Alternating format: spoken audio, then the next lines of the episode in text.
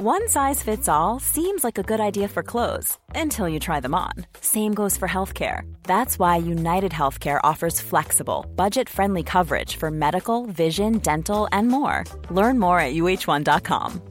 Even on a budget, quality is non negotiable. That's why Quince is the place to score high end essentials at 50 to 80% less than similar brands. Get your hands on buttery soft cashmere sweaters from just 60 bucks, Italian leather jackets, and so much more. And the best part about Quince, they exclusively partner with factories committed to safe, ethical, and responsible manufacturing. Elevate your style without the elevated price tag with Quince. Go to quince.com slash upgrade for free shipping and 365-day returns. Wow. Nice. Yeah. What you're hearing are the sounds of people everywhere putting on Bombas socks, underwear, and T-shirts made from absurdly soft materials that feel like plush clouds. Yeah, that plush. And the best part? For every item you purchase, Bombas donates another to someone facing homelessness. Bombas. Big comfort for everyone. Go to bombas.com slash ACAST and use code ACAST for 20% off your first purchase. That's bombas.com slash ACAST. Code ACAST. Many of us have those stubborn pounds that seem impossible to lose, no matter how good we eat or how hard we work out. My solution is PlushCare. PlushCare is a leading telehealth provider with doctors who are there for you day and night to partner with you in your weight loss journey. They can prescribe FDA-approved weight loss medications like Wagovi and Zepbound for those who qualify.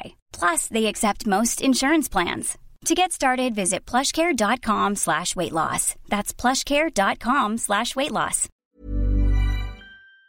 I don't need a lot of brains in this business. I mean, I've always said if you got an IQ of 160, give away 30 points to somebody else because you don't need it in investments. What you do need is emotional stability. Wow. Very first tech IPO, and it's a big one. Stock market hit an all-time record high today. A crash is coming. Now, whether it's six months from now, 12 months, 36 months, no one knows. There's a bear market about every five years. We've gone eight years without one. People have to realize this is the biggest IPO ever. Hej och välkommen till en ny vecka och ett nytt avsnitt av Market Makers. Hur är läget Fabian? Det är bra Niklas, hur är det själv? Du har ju blivit lite av en daytrader senaste tiden. Ja, jajamän, och det har jag fått betala för.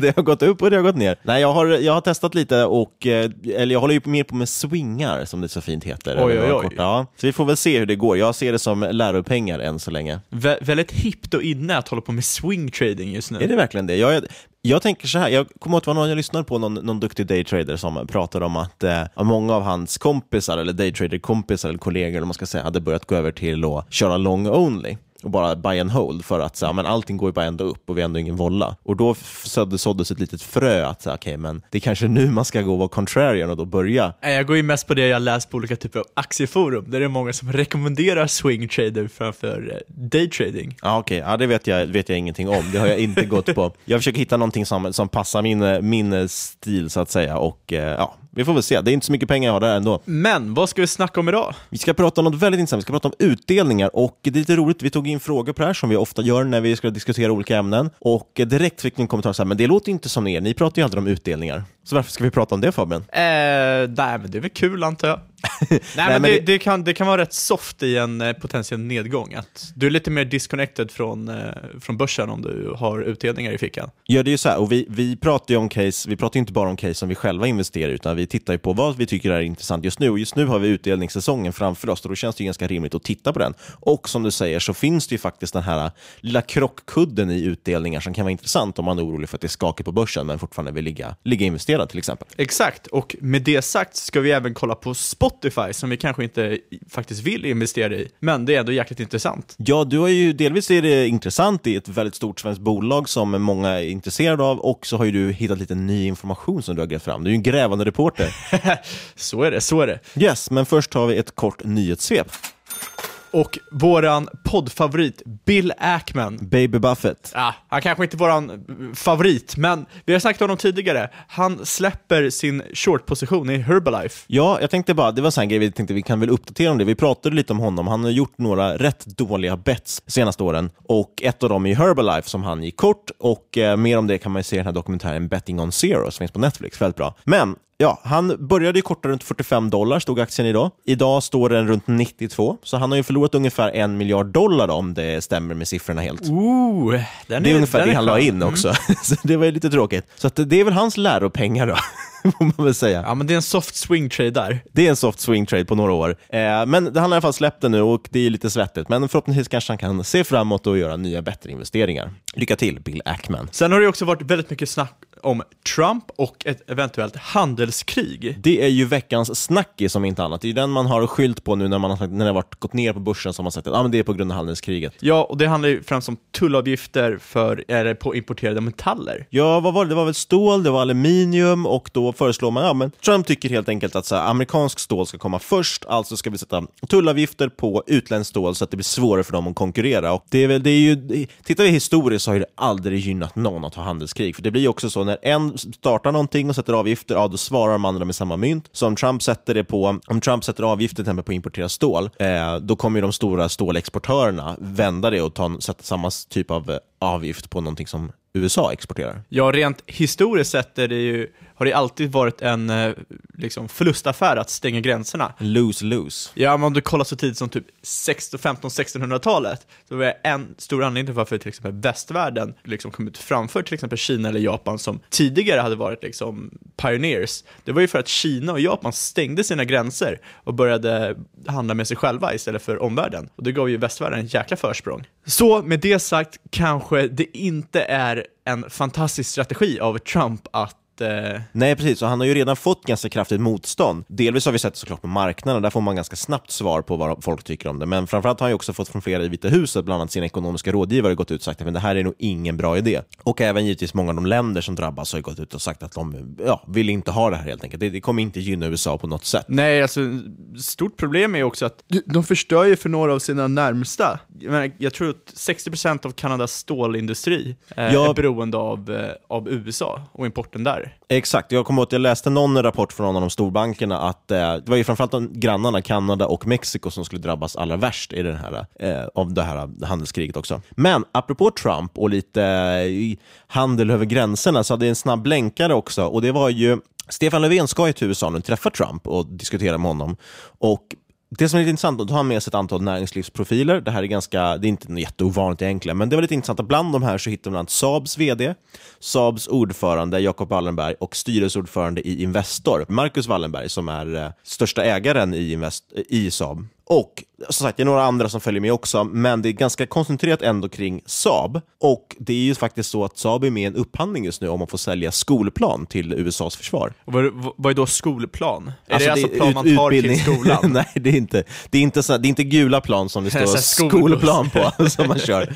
Nej, utan det är ju utbildningsplan för amerikanska flygförsvaret, eller flygvapnet. Och det skulle bli en jätteaffär. Först att få leverera planen och sen förhoppningsvis när de är upplärda på dem, även få leverera plan kanske till försvaret också. Så det, det skulle vara en jättestor affär och man kan väl hoppas, ni som sitter och äger Saab, det, det kan vara intressant grej det här. Inget jag skulle kanske gå in och spekulera på att, jo, att det blir så, men eh, Speka på trumpan. Det blev ju, blev ju ett lite kortare nyhetssvep med vanligt. Det är för att vi, eh, vi har haft så otroligt långa avsnitt på senaste tiden. Det har varit mycket bra gäster och eh, vi försöker hitta lite format. Vi gillar ju att hålla runt ja, allt från 30 till 40 minuter på avsnittet, men vi har gått in på typ en timme och 30 minuter istället. Så vi, vi ska försöka korta ner lite. Så har vi mycket avsnitt så tänker vi att vi får köra lite kortare nyhetssvep. Kanske ibland dela upp det till dubbelavsnitt som vi gjort tidigare också. Ja, exakt. Och med det sagt så tänkte vi att vi skulle ta veckans IPO och det här är ingen aktietorget-listning, eller vad är det för något? Nej, det ska ju listas på New York Stock Exchange. Niklas. The one and only. Väldigt exotiskt. Ja, och eh, det är lite intressant, de ska ju inte IPOas egentligen, utan de ska ju direktlistas. Vad innebär det? Jo, det är så här att vid en vanlig IPO, då har du en garant eller mäklare, oftast en investmentbank. Dels hjälper den här investmentbanken till med att värdera bolaget, men de hjälper även till att sälja in bolag till intressenter via så kallade roadshows. Det här ger ju någon typ av startpunkt när handeln öppnas på börsen. Du har ju ett pris satt på aktien, du vet i förväg vad den kommer handlas för. Det är ju lite för att ge stabilitet också, liksom, och veta att okay, men den är värd ungefär så här många, den är värd 100 dollar per aktie till exempel. Absolut, det gör det ju. Speciellt om du liksom genomför en nyemission samtidigt. Medan en, en direktlistning, då låter man marknaden hitta pris, så det kan bli ytterst volatilt i början. Exakt, du, du listar i stort sett utan assistans från en mäklare. Det finns ju liksom fördelar och nackdelar med det. En fördel är att det drar ner kostnaderna rejält. Det kostar rätt mycket att måste ha en mäklare som hjälper till med en IPO. Exakt. Och det är ju också så att Spotify ska inte ta in några pengar, de ska alltså inte göra en emission, utan det här är ju snarare vad man tror är ett krav från eh, private equity, alltså tidiga investerare egentligen, som vill ha ut på börsen för att kunna göra en exit. Så är det. Men det, det, det är inte så här 100% solklart vad, vad Spotify värderar till i förväg. Man har en liten referensram, beroende på vilken källa man går på, att Spotify värderas till mellan 16 till 20 miljarder dollar på den privata marknaden under december 2017. Precis, för det handlas ju ganska frenetiskt ändå med den här aktien på så kallade gråa marknaden som man brukar prata om, mellan olika privata investerare. Bland annat Justin Bieber var en tidig investerare, 2011 gick han in i Spotify. Ja, något sånt 2011, 2012. Vilket, hur gammal var han då? 9, 10? Bra fråga faktiskt. Bra att bli venture capitalist vid den åldern. Men det är lite intressant, vi har ju pratat förut om Spotify och framförallt att, att Spotify går med förlust. Men nu har de ju i samband med listningen lämnat in lite mer finansiell data som man kan titta på. Då har vi upptäckt någonting ganska intressant, att det ser ändå kanske lite bättre ut än vad man tror. Ja, för... Och sista grejen bara, det blir extra intressant eftersom så många är, alltså sentimentet är väldigt negativt mot Spotify. Alla tycker att det är ett skitbolag. Eller, Exakt det jag skulle ta upp. Inte ett skitbolag, men ett bolag som går med förlust och kanske inte är värt att investera i, att antagligen är övervärderat. Men vi, vi kan ju spotta lite siffror. Du har 160 miljoner användare, varav 70 miljoner är betalande. De betalande användarna växte med 50% year on year. Det är rätt mycket. Det är väldigt mycket och eh, aktiva användare växte ju närmare 30% på samma period. Vi, vi borde jämföra det här med Apple Music som vi eh, tidigare snackat om, som är, det är ju deras största konkurrent. Och det spås ju att fram till sommaren, eftersom Apple Music växer så starkt, så kan de ju ta över eh, Spotify som största streamingtjänsten i Nordamerika. Men de har bara hälften så många prenumeranter. Men tittar man på ekonomin så är det så Spotify ökar sin omsättning med närmare 40% under 2017. Sjukt bra. Ja, när man har 5 miljarder dollar i omsättning. Det är rätt mycket pengar. Eh, nettoförlust dock på 1,5 miljard. Och det, det här jag tror att många fokuserar på också, för att alla artiklar du ser, då ser du bara den här 1,5 miljard dollar i förlust. Ja, och det är den vi har pratat om också, bara så att vi inte låter som att vi backtrader här eller någonting. Nej, det gör vi absolut inte. Så re rent allmänt så börjar det se, du, du har en otrolig tillväxt i Spotify, även fast det redan är väldigt stort. Eh, man ska dock ta hänsyn till att Spotify har en minskande average revenue per user.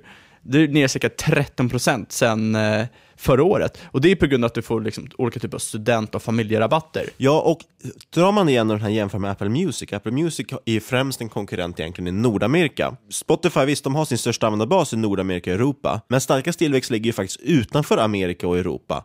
Eh, och där har man nästan dubbelt så hög tillväxt bland användare. Så det är ju ganska intressant att man växer på andra arenor än vad Apple Music gör. Det är faktiskt väldigt intressant, för det betyder att du har har ju en väldigt stark position på, eh, i Amerika och Europa. Det är de andra marknaderna du vill växa på. Och att du har så stark tillväxt där, det gör ju att Spotify ser väldigt, väldigt intressant ut. Problemet är ju, det är ju deras business model. Ja, för grundidén är ju att om en användare streamar en låt så kostar ju det lite pengar och rättigheter. Så att om du då lyssnar på musik konstant, desto, eller så, här, så desto mer du lyssnar på musik, desto mindre pengar kan Spotify tjäna på det. Marginalerna sjunker, desto bättre känns är egentligen. Och då har ju varit många som har pekat på det här med att nej, Spotify, problemet är att Netflix till exempel, de kan ju skapa eget content, det kan ju inte Spotify, så att Netflix kan få bättre marginaler. Men då ska det faktiskt också tilläggas att Spotify har skapat eget innehåll. De, de nekar fortfarande så här, men det finns extremt tydliga bevis på att det är så. Jag förstår och, inte varför de nekar det, för det är jäkligt coolt. Ja, jag vet inte tusan om det är coolt, men det, det, det, finns i alla fall, det är väldigt tydligt. Man, om man går in, man kan söka på, upp artiklar på det här också, men även hitta det själv på Spotify. Om man går in på någon spellista som, eh, typ, vi tittade här innan vi spelade in, gick vi in på, vad heter den, Peaceful Piano heter den listan. De har ju många sådana listor som är ganska om man får säga, intetsägande musik. Saker du ska lyssna på när du pluggar eller försöker sova eller vad det är för någonting. Mycket så bakgrundsmusik. Börjar du då titta igenom artisterna som ligger där, då är det standard. De har alltid ett förnamn och ett efternamn. Artisten finns ingen annanstans på hela nätet. De har ingen Facebook-sida, de har ingen Instagram, ingenting för att göra liksom, reklam för sin musik. Och så har de alltid tre låtar, brukar vara standard. Eh, och som alla ligger i samma spellista. Det är så extremt suspekt. Det blir så extremt tydligt att det här är någonting som, som Spotify producerar själva på något sätt. Antingen att de betalar musiker för att göra det här, ganska man betala några tusenlappar för att köpa in en enkel låt. Eller så har ju du en, en spännande teori Fabian också. Ja, jag, jag har faktiskt besökt Spotifys huvudkontor och det man kunde konstatera var att de la väldigt, väldigt mycket, på, väldigt mycket resurser på machine learning och algoritmutveckling. Mycket mer än vad jag trodde, för jag trodde deras största kostnader låg i liksom back-end development och liknande. Det, I och för sig då, bara för att kontra det, det kan ju vara så enkelt att de använder ju mycket av maskininlärning och AI för att bygga spellistor eller rekommendera gör, musik. Absolut, det gör de ju. Det är det som är en av, en av grejerna jag gillar mest med Spotify, att om du går in på en spellista till exempel och lyssnar, eller en artist eller något, så fortsätter fortsätter den ju spela efter spellistan är klar, för då börjar den matcha ihop låtar själv och då kan du hitta rätt mycket bra musik och även radiofunktionen funkar ju på samma sätt. Men din teori då är i princip att de kanske tar fram algoritmer för att skriva musik och det är inte helt otroligt, det har vi ju sett. Det finns ju massa bevis på att man kan göra det. Det skulle ju vara intressant, för då skulle Spotify vara ett liksom, väldigt intressant bolag, förutom plattformen, om man säger så. Ja, och många av de här låtarna är ganska enkla. Typ, vi tog den här listan av Peaceful Piano som exempel. Där är det mesta av musiken är ju bara ett piano som sitter och spelar med ganska mycket liksom eko på och lite, den håller sig inom någon definierad skala. Det är liksom inget, det är ingen avantgarde-musik eller någonting, någon nyskapande, utan så det, det, skulle mycket väl kunna vara en algoritm som bara spelar lite random efter vad den har lyssnat i annan musik. Så att det kan ju vara så att, att marginalerna i och med det här kommer upp och man får fler och fler, för det är också den här typen av listor som folk liksom verkligen lyssnar länge på. Så här Peaceful Piano eller någon som musik du lyssnar när du pluggar eller vad den jobbar eller vad den är. Det står ju verkligen bara matar ut låtar, så behöver du betala royalties på varje låt så är det extremt olönsamt. Exakt, för likt Netflix så är ju högsta kostnaden för Spotify the cost on revenue, alltså det är kostnaden för till exempel licensiering. Men det ska påpekas att det här har sjunkit senaste två åren med cirka 10%, så de har ju faktiskt en bruttomarginal som har ökat. Så att nu har de ju faktiskt en bruttomarginal på 20%, vilket ändå är relativt bra om man bara ska jämföra med, med deras förluster. Men nu kommer vi till den viktigaste grejen, tycker jag i alla fall, som är mest intressant, och det är ju det här med kassaflödet. Det mest intressanta med Spotify, det är att på resultaträkningen så går de med förlust. Men om man kikar in kassaflödesanalysen så har Spotify ett positivt free cash flow. Det betyder alltså att på den operativa verksamheten så tjänar man faktiskt pengar. Man får in pengar i kassan. Sen vet vi ju inte riktigt vad det är som gör förlusten. Det kan vara till exempel investeringsverksamheten, för den tar man inte hänsyn till i fritt kassaflöde. Eh, det kan vara någon, annan, någon form av avskrivningar eller så. Så det, det där är en extremt intressant faktiskt grej, att, att resultaten är negativt men kassaflödet är positivt. Så det, det kan göra att, att storyn blir liksom helt annorlunda för Netflix. Sen, sen, sen, ska man säga, ma marginalen på det fria kassaflödet är inte jättehögt, det är cirka 3%. Men det man kan konstatera är att de går inte back. De har ju pengar Nej, i kassan. Och, ja, och det förändrar ändå allt. Även om det är lite marginal så förändrar allting väldigt mycket att man gör vinst. Eller vinst, citattecken. Men, men eh, det sista vi ska nämna då är att oavsett vilket så är det i alla fall intressant, speciellt när sentimentet är så negativt, så många tycker att det här är ett dåligt case. Då kan man verkligen explodera på uppsidan om det visar sig att faktiskt bolaget är rätt lönsamt. Även om man kanske inte vill spekulera i den här eh, listningen som sker nu under 2018, så kan det vara intressant faktiskt också att titta lite på hur värdering på Spotify påverkar tidigare investerare. Och Då tänker jag till exempel på Telia, äger ju en andel i Spotify som man spår har ökat runt ja, nästan dubblat i värde sedan de köpte det. Och Det finns ju några andra sådana bolag där man kan hitta som har investerat i Spotify ganska tidigt och nu kan tjäna rätt mycket om värderingen blir hög. Så är det absolut. Så det jag tycker man ska ta ifrån det här är att ja, Spotify har ju liksom en del problematik med sin business model, men man ska inte ta de här sjuka förlust-headlinesen för, liksom, för vad de är egentligen. För att Spotify har ändå uppvisat en lönsamhet.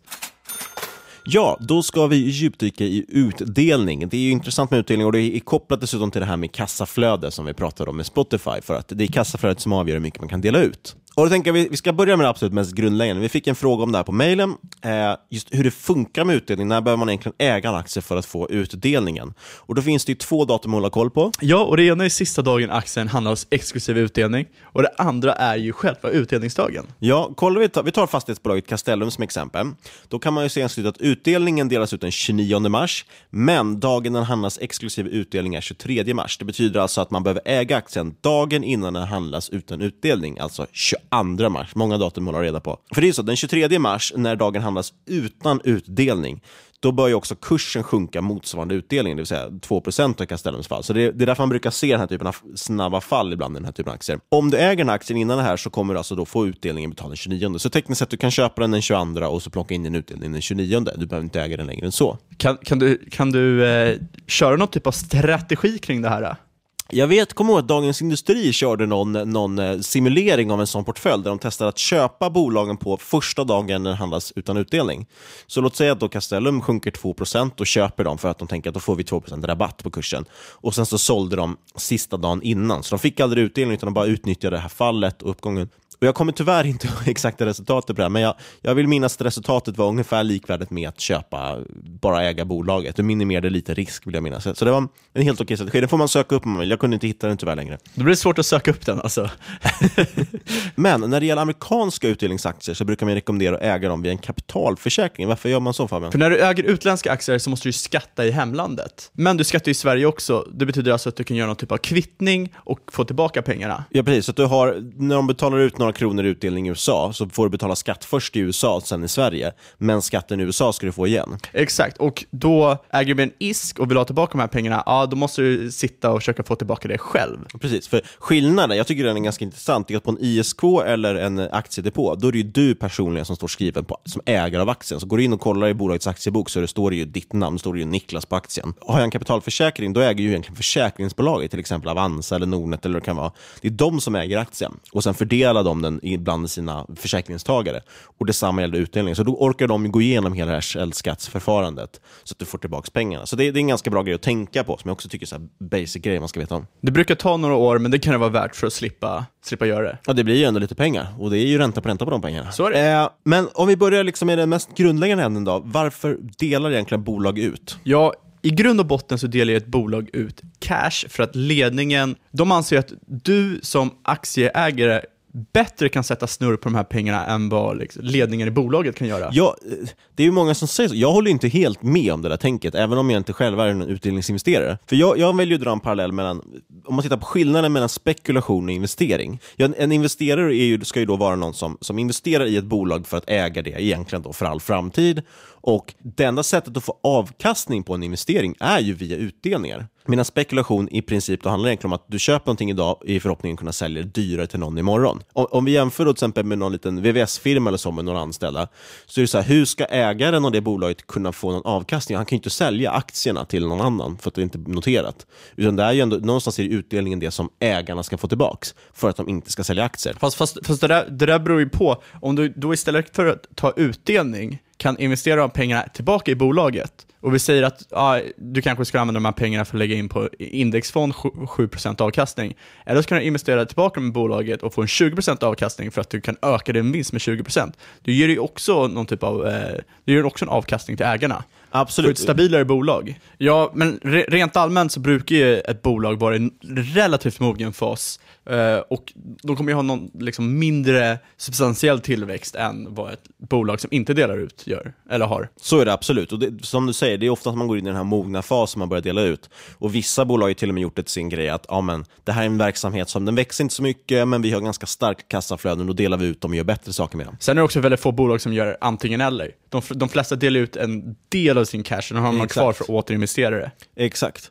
Men ska vi prata om lite olika? Vi, vi som sagt, vi föredrar, vissa går ju bara direkt på direktavkastning, hittar aktier som delar ut mycket pengar. Eh, vi gillar ju mer det här med utdelningstillväxt i sånt fall. Ja, för då får du ju den här ränta på räntan. Och, Precis, och ofta, har du ja. hög direktavkastning finns det alltid en anledning varför det är hög direktavkastning. Precis, det, det brukar vara så för att det beror ju oftast på att kursen då antagligen har sjunkit och att folk är oroliga. Om vi går in på utdelningshöjare först så är det mest kända exemplet måste ju vara Dividend Aristocrats. Och även Dividend Kings finns ju också, men vi kan börja med Dividend Aristocrats. Yes, och de ska alltså vara med i då indexet S&P 500 och de ska ha ökat utdelningen i 25 plus raka år. Och eh, det man ja, kan... så finns lite storlek och likviditetskrav och grejer också. Men... Jewelry isn't a gift you give just once. It's a way to remind your loved one of a beautiful moment every time they see it. Blue Nile can help you find the gift that says how you feel and says it beautifully with expert guidance and a wide assortment of jewelry of the highest quality at the best price. Go to BlueNile.com and experience the convenience of shopping Blue Nile, the original online jeweler since 1999. That's BlueNile.com to find the perfect jewelry gift for any occasion. BlueNile.com. Here's a cool fact a crocodile can't stick out its tongue. Another cool fact you can get short term health insurance for a month or just under a year in some states. United Healthcare short term insurance plans are designed for people who are between jobs, coming off their parents' plan, or turning a side hustle into a full time gig. Underwritten by Golden Rule Insurance Company, they offer flexible, budget friendly coverage with access to a nationwide network of doctors and hospitals. Get more cool facts about United Healthcare short term plans at uh1.com. This is Paige, the co host of Giggly Squad, and I want to tell you about a company that I've been loving Olive and June. Olive and June gives you everything that you need for a salon quality manicure in one box. And if you break it down, it really comes out to $2 a manicure, which is absolutely insane. It's also so easy to get salon worthy nails at home with Olive and June. The difference between how your nails used to look when you did them yourself and now with the Manny system is a complete game changer. The best thing about Olive and June too is it's a quick dry, dries in about one minute, lasts for five days, and full coverage in up to one to two coats. Visit oliveandjune.com slash perfectmanny20 for 20% off your first system. That's oliveandjune.com slash perfectmanny20 for 20% off your first system. Hiring for your small business? If you're not looking for professionals on LinkedIn, you're looking in the wrong place. That's like looking for your car keys in a fish tank. LinkedIn helps you hire professionals you can't find anywhere else, even those who aren't actively searching for a new job but might be open to the perfect role. In a given month, over 70% of LinkedIn users don't even visit other leading job sites. So start looking in the right place. With LinkedIn, you can hire professionals like a professional. Post your free job on linkedin.com slash people today. Quality sleep is essential. That's why the Sleep Number Smart Bed is designed for your ever-evolving sleep needs. Need a bed that's firmer or softer on either side? Helps you sleep at a comfortable temperature? Sleep Number Smart Beds let you individualize your comfort so you sleep better together. JD Power ranks Sleep Number number 1 in customer satisfaction with mattresses purchased in-store. And now, save 50% on the Sleep Number limited edition Smart Bed for a limited time. For JD Power 2023 award information, visit jdpower.com/awards. Only at a Sleep Number store or sleepnumber.com. Så är det. Men det, det viktiga att komma att det är amerikanska bolag som har, delat ut, som har höjt utdelningen mer än 25 år i rad. Alla dividend aristocrats, alltså man kan ju säga, jag vet att du hatar uttryck, men man kan ju säga att de är fina, stabila bolag. Fast stabila, absolut. Det, det ogillar inte det uttrycket. men de genererar ju liksom, de genererar en kassa och de har en rätt stark marknadsposition och eh, de kan ju få, liksom ändå dela ut. Men det är väl bolag som Coca-Cola, P&G och så vidare, eller hur? Exakt. Riktiga, liksom stora amerikanska, typiska Eh, Buffett-bolag kan man ju tycka egentligen. Exakt, men med det sagt så är inte alla utdelningsbolag skapat lika, eller aristocrats kanske man ska säga också. Eftersom med, som med alla andra aktier så, liksom, en dividend aristocrat kan man ha en olika bra investering beroende på vilken aristokrat det är. För även fast en stabil utdelningstillväxt är lockande, så måste man ju fortfarande ta hänsyn till typ helhetstillväxten och värderingen. Ja, det finns ingen naturlag som säger att de här bolagen ska fortsätta leverera, men det, det är ändå någon form av trygghetsstämpel. Att man kan i alla fall investera in lite bredare då i de här dividend aristocrats. Och ja, kan vi nämna Dividend Kings, det är ju samma grej fast de har höjt i 50 år i rad. Ja, jag vill också påpeka att de flesta retail-investerare, alltså som du som lyssnar och jag och Niklas som investerar för oss själva, vi majoriteten där, 99% skulle jag vilja säga, satsar ju på någon typ av relativ avkastning, att de jämför sig med index, de överavkastar index, alltså, annars hade du lika gärna kunnat investera i index. Så bara för att du har en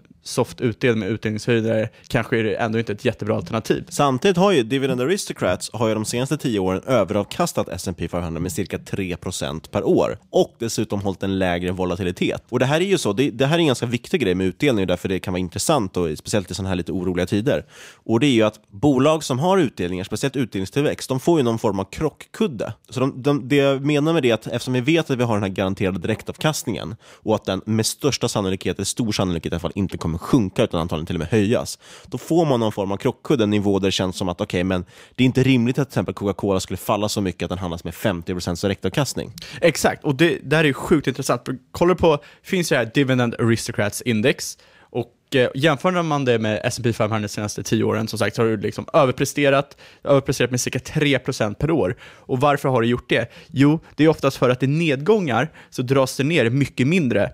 Eh, man kan jämföra med att Dividend Aristocrats-indexet överavkastade S&P med 15% under nedgången 2008. Och det är alltså... Typiskt exempel på krockkudde. Exakt, och eh, 6% högre 2011. Så där är egentligen, det, det man säger lite grann också, det är att eh, folk är ju inte lika oroliga för den typen av aktier, att de ska gå i konkurs eller så, så att de får då någon naturlig liksom, ja, stopp eller ett stöd eller motstånd eller vad man vill kalla det. Så ofta så går de ju inte, det är inte lika kul under, ja, under, under de här bullmarknaderna som är, du, du får ingen Netflix-tillväxt tillväxt 64% i år. Liksom.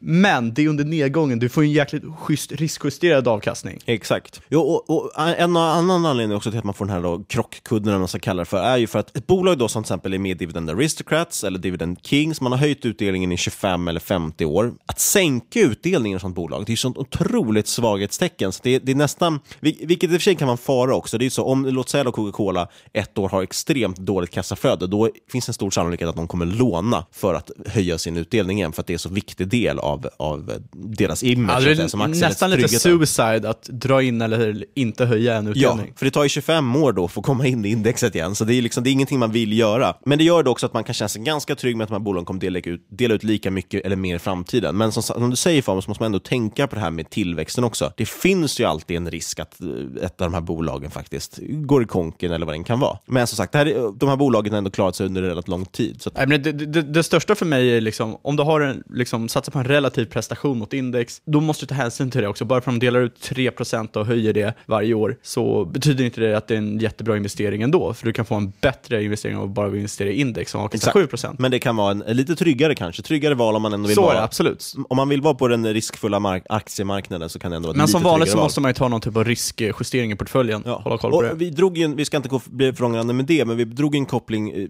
mellan eh, riskfria räntan och direktavkastningen på börsen. Det pratade vi om eh, förra veckan tror jag det var. Vi drog upp Benjamin Grahams den här margin of safety. Och det är också en del av den här krockkudden, att, så att den, den spreaden vill man hålla lite koll på. Tittar vi på OMXS30, alltså Stockholmsbörsen, så är direktavkastningen 3,6% jämfört med svenska tioåringen som ger 0,8% Medan tittar man i USA på S&P 500 har vi 1,8% direktavkastning. Man har ganska, ungefär hälften så bra direktavkastning i USA. Eh, men deras tioåring ger närmare 3% nu. Ja, ska vi dra ett exempel då på, på bolag som vi har pratat om lite grann? Som, ja, men kör på. Som något. kan vara ett exempel på när tillväxten faktiskt vänder och det är ju H&M till exempel. Och där, där är en viktig grej som man vill ha koll på. Man vill alltid jämföra hur mycket kassaflöde har bolaget, hur mycket vinst har bolaget och hur stor andel av de här två delar man egentligen ut. För det kan säga ganska mycket. Då tittar vi på H&M, de har runt 7% direktavkastning i dagsläget och det är många som pekar på det och säger men kolla här har du ju en krockkudde, bolaget kan inte gå ner mer. Men om man då har, om det faktiskt är så att H&M's trend liksom har vänt och det kommer gå sämre och sämre, vi vet ju inte det, det kan ju vara en dipp, men om det är så, så, så är det väldigt negativt negativt för just utdelningen. Och det såg vi ju inte minst nu när de vill genomföra en sån här drip som det kallas, alltså man delar ut aktier istället för att dela ut pengar. Eller att man åtminstone får valet. Man vill dessutom göra med nyemitterade aktier, någon form av liksom förtäckt nyemission. Man vill ta in pengar för man har egentligen inte råd att dela ut. Och, och anledningen till att man vill göra det här är för att ja, i dagsläget så delar man ut 100% av vinsten och eh, 177% av sitt fria kassaflöde, så nästan två gånger mer pengar än vad man får in i kassan, delar man ut. Och det är ju inte positivt, det, det säger ju någonting om att man kanske inte kommer kunna höja. Och Samtidigt, det kan, det kan ju också innebära att direktavkastningen kommer falla. Precis, och det är det vi vill lyfta, att det, det, finns inget som säger att det alltid ska gå upp. Samtidigt ska man ändå nämna att H&M har varit ett då, fint bolag, som det heter, väldigt länge. Och framförallt har de inte sänkt sin utdelning en enda gång sedan börsintroduktionen för 43 år sedan. Så det är ändå någon form av trygghetsstämpel. Men som sagt, saker, tiderna förändras också. Historik behöver egentligen inte betyda någonting. Nej, eh, så gå inte all in i H&M och, och liksom hoppas på de här 7 procenten, för man vet aldrig. Om historik hade gällt hade bästa mobilbolaget varit Nokia nu. Exakt. Nokia som för övrigt har förlust, men ändå delar ut pengar. Det är kan man fråga sig lite om. Men det här belyser här vikten av att analysera kassaflödet i det här bolaget man är intresserad av, om man är intresserad av utdelningarna. Jag tänkte sagt, ska vi gå igenom, vi kan gå igenom några högutdelare lite och prata om hur, de, hur man kan tänka kring dem. Absolut. Och det, det finns risk att det blir många siffror, man får väl gå in och kolla. Vi använder Börsdatas screen i det här fallet, inte sponsrat på något sätt, men där kan man gå in och kika lite om man vill titta på de här siffrorna. Och filtrerar man ut, då, vi tog large cap i Sverige, vi sorterar bort preferensaktier, det ska vi komma in på lite CSM, vad det är för någonting. Tittar man på EMA på direktavkastning, det första man kan tänka på då, direktavkastningen kan ibland vara lite missvisande. Drar man upp på Börsdata, den här filtreringen vi gjorde, då får man högsta utdelaren på Stockholmsbörsen Nobia, de delar ut 10, har 10% direktavkastning. Men det är ju så kallad extrautdelning, det är någonting som har hänt i bolaget som gör att man delar ut extra pengar. Så då kan man istället kolla på ordinarie direktavkastning, vilket då, och i, i Nobias fall då så är helt plötsligt har man 5% istället, så det är, det är en väldigt stor skillnad. Tar man topp 5, vad har vi för topp 5 Fabian? Skulle gissa på att det är H&M och en jäkla massa banker. Ja, ganska exakt. Det är H&M, Nordea, Swedbank, JM och Ratos i den ordningen. JM har ju såklart drabbats av att det är lite svajt på bostadsmarknaden i Stockholm. Och Ratos har ju drabbat av att de är Ratos. Exakt.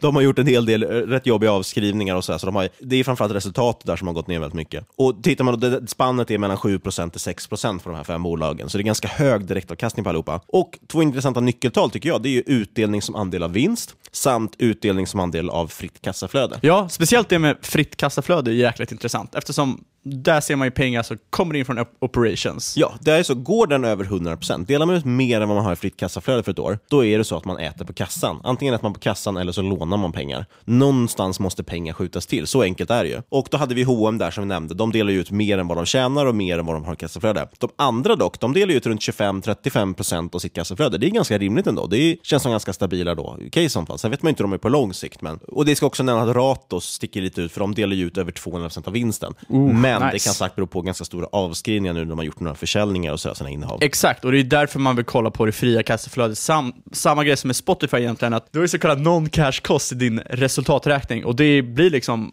eh, avskrivningar och depreciering som belastar resultatet, men som du egentligen inte betalar på. Ja, exakt. Det är, det är en grej man gör i bokföringen, en redovisningsteknisk del. Personligen måste jag säga, i de här topp fem stycken bankerna är ju rätt intressanta. Alla ger runt 5-6% direktavkastning, om inte mer. Eh, och jag menar, de har ganska trygga kassaflöden, de har rätt stora kassa, alltså väldigt starka kapitaltäckningskrav till exempel. Så att det ska rätt mycket till på bostadsmarknaden tror jag för att de ska tappa sina utdelningar. Typ eh, de, vad var det, 60% som sa att de inte kunde betala på sina lån om eh, Riksbanken höjer med 1%. Typ så, men å andra sidan ligger det mesta av det ligger ju i bostadsobligationer, så det är inte bankerna som går under i sånt fall. Det är ju de stackars obligationsköparna. Så att man Ja, kan ju vrida och vända på saker. Men drar vi så här, några klassiska, jag tänkte dra en snabb parallell också. Vi har ju några sådana klassiska högutdelare man pratar om med Telia och Tele2. Och då vill jag dra en parallell till vårt förrförra avsnitt där vi pratade om Softbank. Softbank är ju då ett bolag som i princip, de byggt sin investeringsstrategi på att de har en telekomdel som har väldigt starka kassaflöden. De använder det här överblivna kassaflödet till att investera i nya grejer så det blir ett investmentbolag. Två klassiska högutdelare, Telia och Tele2, har ju varit just samma grej. De är telekombolag, starka kassaflöden. Telia är ju känt, det är ju kassakon för staten. De har plockat väldigt mycket utdelningar för att finansiera välfärd. Medan Tele2 har varit en sån form av kassako för Kinnevik för att investera de pengarna också. Men då ska det ju tilläggas att eh, Telia delar ut drygt 100% av vinsten och 75% av kassaflödet. Det är verkligen då fokus på att mjölka den där kon. den men ska tömmas totalt, har man tänkt. Medan Tele2 de delar ut 470% av sin vinst, men bara 60% av kassaflödet. Men är man intresserad av att investera i bolag med hög direktavkastning, men inte vill sitta och göra arbetet eller hålla på med stockpicking och så, så kan man ju även välja fonder. Det finns två som jag vill nämna. Aktiespararna Direktavkastning heter den. De tar väl de 15 största bolagen tror jag på large cap, eller 15 bolagen med högst direktavkastning på large cap. Och så finns det även exakt högutdelare som en börshandlad fond. Ska, ska vi kolla på lite svenska utdelningshöjare istället? Ja, några svenska dividendaristokrater. Utdelningsaristokrater. Kan man kalla, fin, finns det någon? Nej, det finns faktiskt ingen i Sverige som har höjt 25 år i rad eller mer. Men det finns en hel del fastighetsbolag bland annat som har höjt väldigt många år. Till exempel Castellum och Huvudstaden. De har höjt utdelningen i över 20 år i alla fall. Det som är intressant är att, ja, men de, det närmsta vi kommer i Sverige, aristo, aristokraterna, är fastighetsbolag. Men i USA, så de liksom, aristokraterna består mest av consumer staples, som typ Coca-Cola. Exakt. Eh, några andra vi kan ta, Wallenstam och Assa Abloy, de har ju inte höjt utdelningen, men de har i alla fall haft bibehållen eller höjd utdelning i 23 år i rad. Och det är också en ganska trygghetstecken att man inte sänker utdelningen. Men vill ändå nämna att det finns inte riktigt samma status i Sverige. I USA är ju det här med dividend aristocrats en ganska stor grej. I Sverige tror jag faktiskt inte att man tar riktigt lika hårt på det, även om det är klart man skulle tappa ganska mycket investerarstatus, eller man ska säga, om man sänkte utdelningen i de här bolagen. Förutom fastighet ska man också nämna konsultverksamheter, har ju oftast ganska bra utdelning. Och fantastiskt konjunkturkänsliga. Det också, men där har vi haft några typ, jag vet inte, E-work, SJR, det finns ju flera sådana. Tittar man på large cap har vi OF och Sweco. De har ju bägge 15 år eller mer med oförändrad eller höjd utdelning. Ganska bra. Ja, det finns massvis med mer. Kan jag googla fram de här? Det finns ju, det är ju Skanska, det är ju ABB, massvis med intressanta bolag som har ganska långa perioder av bibehållen utdelning eller höjd utdelning. Och vill man investera i utdelningshöjare, det är ganska svårt tycker jag i alla fall att screena fram bolag. Man kan ju sortera fram till exempel på de som har höjt utdelningen flera år i rad, eh, men man får inte riktigt fram den exakta statistiken så det blir mycket att sitta och plocka själv. Men man kan googla, det finns lite bra sammanställda listor på det i alla fall. Och eh, ja, i USA då kan man ju kolla på Dividend Aristocrats eller Dividend King, Holdings finns ETFer för bägge. Tyvärr går inte de att handla längre i Sverige på grund av Mifid 2. Fantastiskt, fantastiskt. Men man kan ju kolla på vad de innehåller i alla fall och så försöka kopiera de innehaven. Men ska vi hoppa in på liksom några typer av grundregler lite snabbt om man ska investera i utdelningsbolag? Ja, vi kan väl summera med några, utdelning, några regler för utdelningsinvesterare. Jag skulle säga att nummer ett, och det här är nog rätt självklart för många, det är att det ska finnas en lång historik för utdelning och eh, den här historiken ska även ha utdelningstillväxt. Det, det visar ju på att bolag faktiskt fortfarande växer för du får in mer cash i bolaget och kan dela ut mer cash. Precis, som de bolag vi nämnde som har, de har antingen höjt eller bibehållit utdelningen. Och väldigt intressant är också om det här, ett bolag har faktiskt ökat utdelning även under 2008, som till exempel Dividend Aristocrats gjorde. För det kan ju vara ett tecken på jäkligt goda, stabila kassaflöden. Nu har det, hänt, nu har det gått rätt lång tid, 10 år sedan, sedan 2008. Uh, mycket kan ha hänt sedan dess, så man liksom,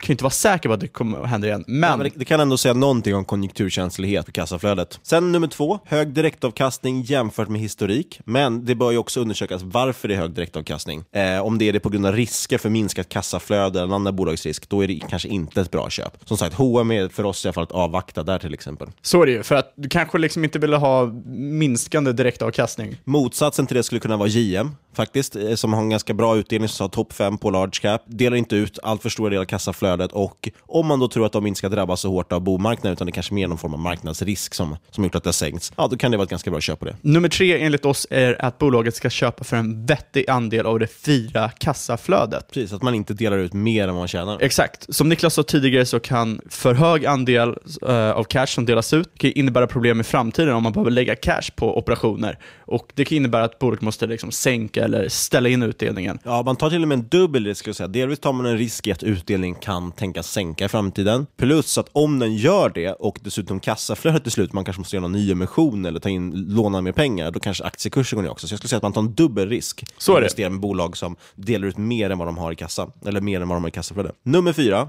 Utdelningsinvesterare, de bör ju fokusera på utdelning snarare än kurstillväxt. Så att där vill man hitta då bolag som kanske är rätt stabila över tid och har låg, ja, men låg volatilitet i dem egentligen. Så är det. Och sen nummer fem, den näst sista market makers-regeln för utdelningsinvesteraren. Kan, kan man kalla det så? Ja.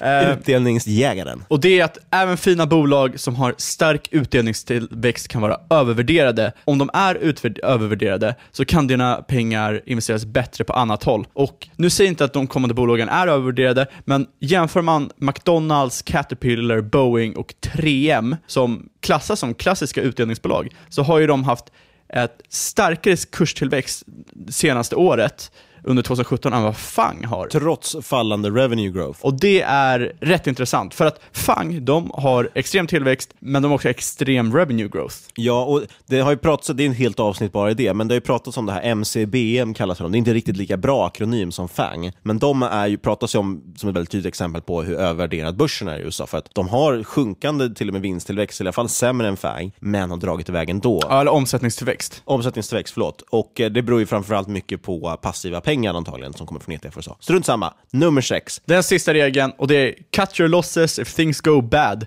Och det var inte rädd att sälja om utdelningen ställs in eller minskas. Exakt, För då det- förloras ju meningen med att ha en utdelningsportfölj. Ja, och sitt inte och hoppas på att den kanske kommer tillbaka som ett år. Då kan man vänta med det. Ska vi dra någonting jättekort bara om vad är, preferensaktier är och eh, så kallade rates? Ja, rates, intressant. Eh, Det har börjat bli väldigt populärt tycker jag i Sverige nu också. Inte svenska bolag, men att svenska investerare köper Ja, men det känns som all, allmänt så utdelningsinvestering har ju varit väldigt populärt i Sverige de senaste åren. Ja, och det, RATE står ju då för Real Estate Investment Trust, alltså REIT. Och det är en, egentligen en speciell typ av fastighetsfond som delar ut 90% av sina intäkter. Och de har alltså ett mandat att de måste dela ut det. Och de har ju drabbats rätt hårt av rädslan att räntan ska höjas. Exakt. Eftersom Men- de brukar jämföras med obligationer. Ja, vi kan ju dra något exempel. Du har ju någon sån rates, en som håller på med sjukhus va, eller? Nej, inte längre. Den sålde jag för Ja, du sålde. Men berätta, vad... ett och ett halvt år sedan tror jag. men berätta hur det funkar så får man ett bra exempel på vad det kan vara. Ja, men det är i stort sett de investerade i fastigheter som gav någon typ av avkastning. I det här fallet var det nursing homes. Och eh, då fick de in ett kassaflöde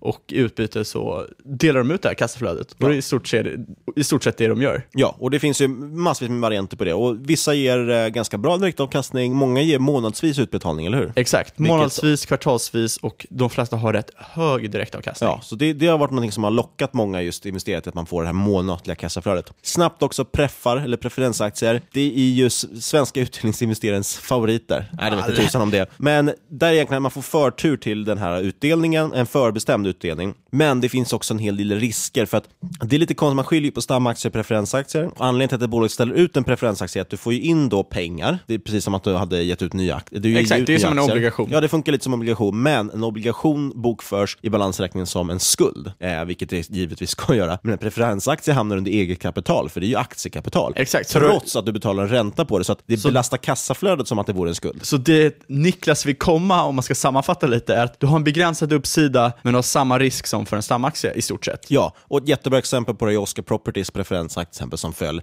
rejält. Jag tror den föll 50 procent eller vad just för att de faller när man är rädd för att utdelningarna ska ställas in eller bolaget inte ska kassaflöde nog. Eh, så då kan det ganska illa. Annars får du oftast, du får oftast en hyfsat bra direktavkastning, brukar ligga runt 5-6 procent för vanliga preffar. Ja. Mycket fastighetsbolag som ställer ut dem, men du tar inte del av kursuppgången. Däremot kan du ta kursnedgången om bolaget går svagt. Men för att avsluta, äger du några utdelningsaktier? Eller har du varit en utdelningsjagare? Jag har aldrig varit en utdelningsjägare, men jag har ju ägt aktier som ger utdelning. Har det någonsin varit en typ av din eh, liksom, filosofi varför du skulle köpt det bolaget? Var det utdelningen? Ja, jag har, nog, jag har köpt vissa aktier inför utdelningen, men typ SJR vet jag har köpt någon gång. Nordea har jag köpt nyligen, Castellum tycker jag är intressant. Sen beror det helt på, det beror på hur långsiktigt man vill vara. Vissa bolag säger väldigt tydligt, typ Castellum till exempel, tycker jag är så här. Det är ett supertydligt långsiktigt köp liksom, på den. Men eh, jag tycker att man kan få snabbare liksom, kursuppgång i andra bolag. Det finns andra bolag som har snabbare tillväxtpotential. Det. Men eh, över tid är det ju den typen av bolag man skulle äga för att få ränta på ränta. Vill att jag ska vända på frågan? Nej, behöver inte göra. Det är lugnt. Det är lugnt. Vad har du köpt för bolag som, som har, ger utdelningar? Jag tror inte jag äger några bolag som ger utdelningar just nu faktiskt, vilket är väldigt annat. För jag, jag eh, jag startade min resa genom att bara läsa Buffett. Liksom, och jag hade läst Benjamin Grahams bok innan jag faktiskt investerade i en, i en aktie. Så jag var ju väldigt förstörd av det tänket, eller vad man ska säga. Så att, eh, ägde väldigt mycket utdelningsaktier från, eh, från en början. Sen eh, hände det lite saker i mitt liv och jag började gå in Jag som drog in dig i det mörka hålet av tillväxt. Nej, men eh, det var väl en catalyst i alla fall för att jag gick in i saker som bitcoin. Tack för den. Det gick ju ganska bra också. Det gick faktiskt bra i efterhand. Ja, eh, jag, jag kan tänka mig att det känns som att, för nu har det ju varit så att det är ju så här i varje egentligen eh, aktiesy- marknadscykel, eller man ska säga, så är det ju olika saker som outperformar och underperformar. Vissa saker som går riktigt bra, vissa saker som går dåligt. Just nu har det ju varit growth, eller tillväxtaktier, som har gått väldigt bra. Och det kommer ju vända. Det är ju inte så att det är någon slags naturlag. Så att om fem år kommer vi säkert sitta här och prata om hur fantastiskt det är med utdelningsaktier eller värdeaktier. Och eller att vi för någonting. aldrig har köpt eh, tillväxtaktier. Nej, nej, nej. Nej, det skulle vi aldrig erkänna. ja, nej, men vi tackar för det, för vårt, det var vårt utdelningsavsnitt egentligen. Ja, det blev helt okej. Hoppas att det kan vara någon slags eh, Eh, guidning här inför utdelningssäsongen. Ja, och eh, innan vi avslutar, ska vi dra någon kort eh, innehållsförteckning kanske? Är det något av det vi har pratat om som du äger, Fabian? Vad har vi pratat om? Massvis med bolag. Coca-Cola, H&M, allt möjligt. Nej, men jag äger inga utdelningsbolag, så jag är lugn. Okej, jag, jag hade ju H&M här idag, i min lilla swingerkarriär här. Är det så? Hade H&M. Ja, det gick ganska Snyggt, bra. Det gick ju upp nästan 2% idag, så det var trevligt. Men jag har legat korten också, så jag vet inte om det ska redovisas. Ja, nej, jag äger inte heller någonting av dem där. Inte någonting långsiktigt i alla fall. Snabb liten disclaimer då, då. Inget du har hört i denna podd ska ses som rådgivning, alla åsikter är våra egna eller våra gäst och eventuella sponsorer tar inget ansvar för det som sägs i podden. Och tänk på att alla investeringar är förknippade med risk och sker under eget ansvar. Men om du har några frågor om podden eller bara vill snacka med mig eller Niklas så kontakta oss på podcast.ipo.se eller på Twitter, at marketmakerspod. Och där slänger vi även ut förfrågningar om frågor inför till exempel utdelningsavsnittet som vi gjorde nu, där vi fått in flera bra frågor. Och sist men inte minst, tack för ett bra samarbete med IPO.se och stort tack till dig som har lyssnat. Vi ses nästa vecka.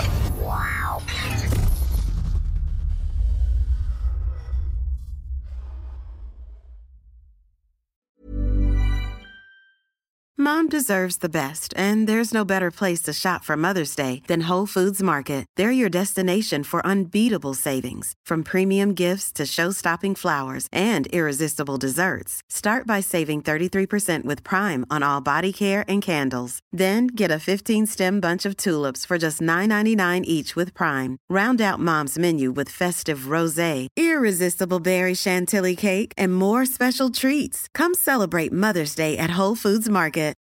As humans, we're naturally driven by the search for better. But when it comes to hiring, the best way to search for a candidate isn't to search at all. Don't search, match with Indeed. When I was looking to hire someone, it was so slow and overwhelming. I wish I had used Indeed. If you need to hire, you need Indeed. Indeed is your matching and hiring platform with over 350 million global monthly visitors, according to Indeed data, and a matching engine that helps you find quality candidates fast. Ditch the busy work. Use Indeed for scheduling, screening, and messaging so you can connect with candidates faster. And Indeed doesn't just help you hire faster. 93% of employers agree Indeed delivers the highest quality matches compared to other job sites, according to a recent Indeed survey. And listeners of this show will get a $75 sponsored job credit to get your jobs more visibility at Indeed.com slash podcast. That's Indeed.com slash podcast. Terms and conditions apply.